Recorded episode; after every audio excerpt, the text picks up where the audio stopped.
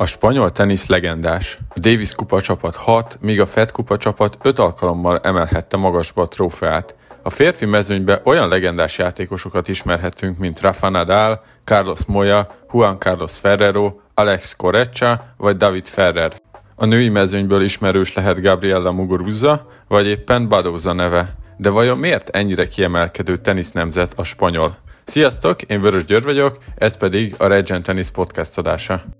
Életem egyik legmeghatározóbb időszaka volt a Spanyolországban eltöltött néhány hónap edzőként. Mindig jó kérdés, hogy egy adott ország mitől kiemelkedő egy sportágban, és én azt gondolom, hogy Spanyolország igenis, ma, igen magasan kiemelkedő ország, hogyha a tenisz tekintjük. Egyébként nem gondolom, hogy az az egyetlen követendő módszer, amit ők csinálnak, de az biztos, hogy hatásos. Viszont lehet, hogy ugyanez a módszer nem működne egy másik országban, ahol más beállítottságúak a gyerekek, vagy úgy összességében az emberek. Az első dolog, amiben nagy különbséget éreztem, az az edzések intenzitása volt. Már rögtön az első napokban, amikor az odaérkező edzőknek tartottak egy, egy képzést, hogy mégis milyen mentalitásban kellene tartani az edzéseket itt az akadémián, akkor ott a, a legtöbbször kiemelt tényező az az edzés intenzitás volt, hogy ne engedjük, hogy az lecsökkenjen egy bizonyos szint alá. Ezt a bizonyos szintet majd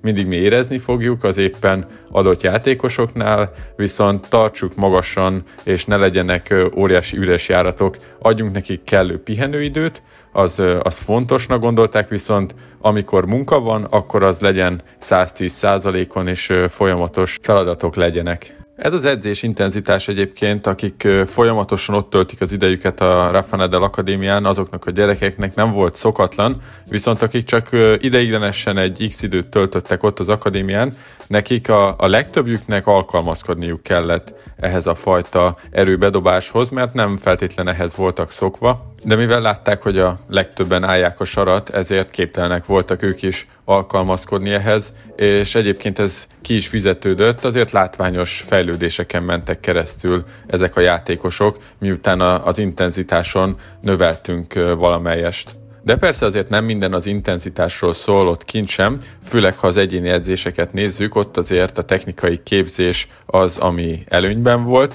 és a spanyol játékosokról lehet tudni úgy általánosságban, hogy nagyon jól pörgetnek, és ez a, a profi mezőnyben is nézzük meg például Rafael Nadát, ő mondjuk extrán kiemelkedik ebből a, a, ebből a kategóriából, ő nagyon pörgeti a labdákat, viszont a legtöbb spanyolnak a salakpályás játékra való tekintettel nagyon jó pörgetése van, ők nagyrészt ezen a, a borításon nőttek föl, és ott azért a pörgetés az elsődleges. Ez nincsen más, hogy a következő generációval sem, attól függetlenül, mert náluk már nem lehet azt mondani, hogy kizárólag salakon edzenek, azért például ott az akadémián, ahol én voltam, ott 70%-ban kemény pálya volt, és a, a maradék volt csak a, a salakos, viszont a kemény pálya, salakpályát tekintve egyaránt azért a pörgetéseket ők preferálják és tanítják is. Próbálják azt a mentalitást megtanítani a játékosoknak, hogy pörgessenek, legyen meg a, a labdának a hossza, és inkább ezzel tegyenek nagyobb nyomást az ellenfélre, hogy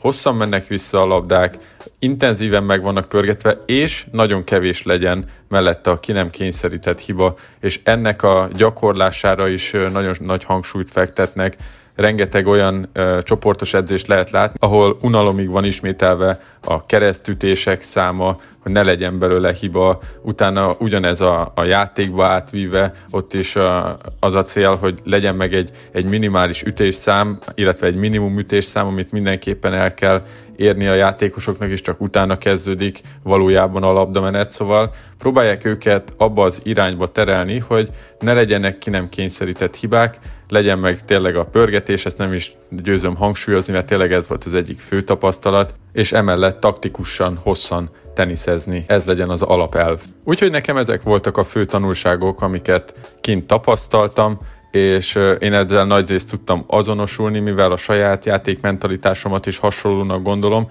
meg a, az edzői mentalitásomat is hasonlónak gondolom, viszont nagyon sokat profitáltam is ebből, egy-két mentalitásbeli